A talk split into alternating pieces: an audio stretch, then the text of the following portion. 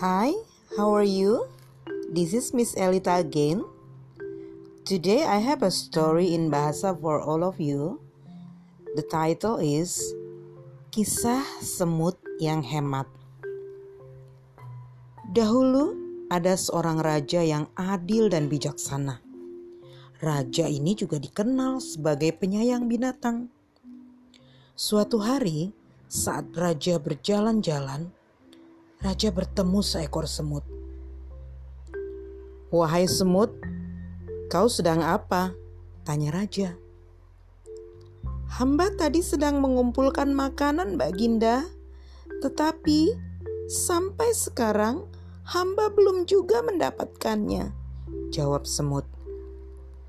"Berapa banyak makanan yang kau butuhkan dalam setahun?" tanya raja lagi. Hanya sepotong roti, Baginda, Jawab semut. Baiklah, aku akan memberimu sepotong roti. Ikutlah denganku ke istana, kata raja. Semut pun ikut raja ke istana. Sesampainya di istana, raja memasukkan sepotong roti ke dalam tabung.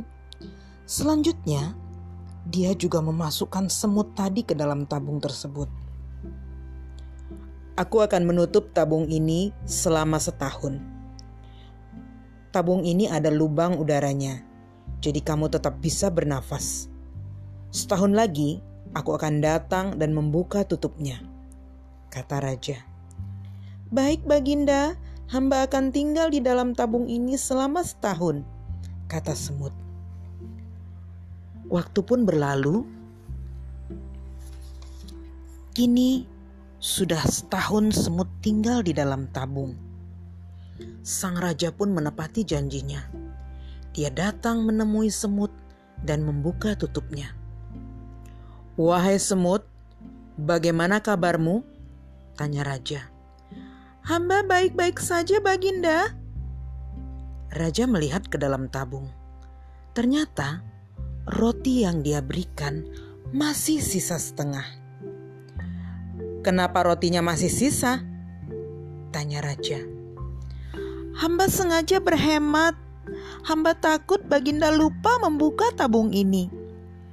Kalau Baginda lupa, hamba masih punya persediaan roti untuk setahun lagi.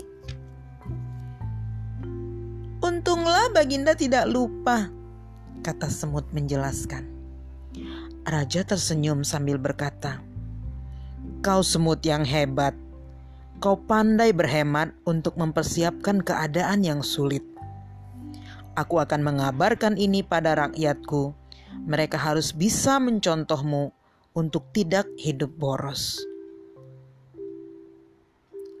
Anak-anak terkasih, pesan apa yang dapat kamu pahami dari cerita ini? Kita harus belajar berhemat. Berhemat sekarang akan mampu menolong kita saat nanti tiba datangnya masa yang sulit.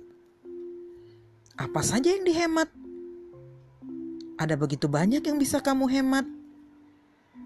Penggunaan uangmu, makananmu, air, listrik, dan masih banyak hal lain lagi.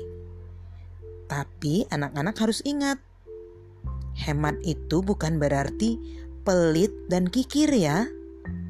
Tapi hemat itu belajar menggunakan segala sesuatu secukupnya saja sehingga kamu bisa terbiasa menghargai apa saja yang kamu miliki. Ingat, hemat pangkal kaya, boros pangkal miskin. That's all for today, students. Thank you.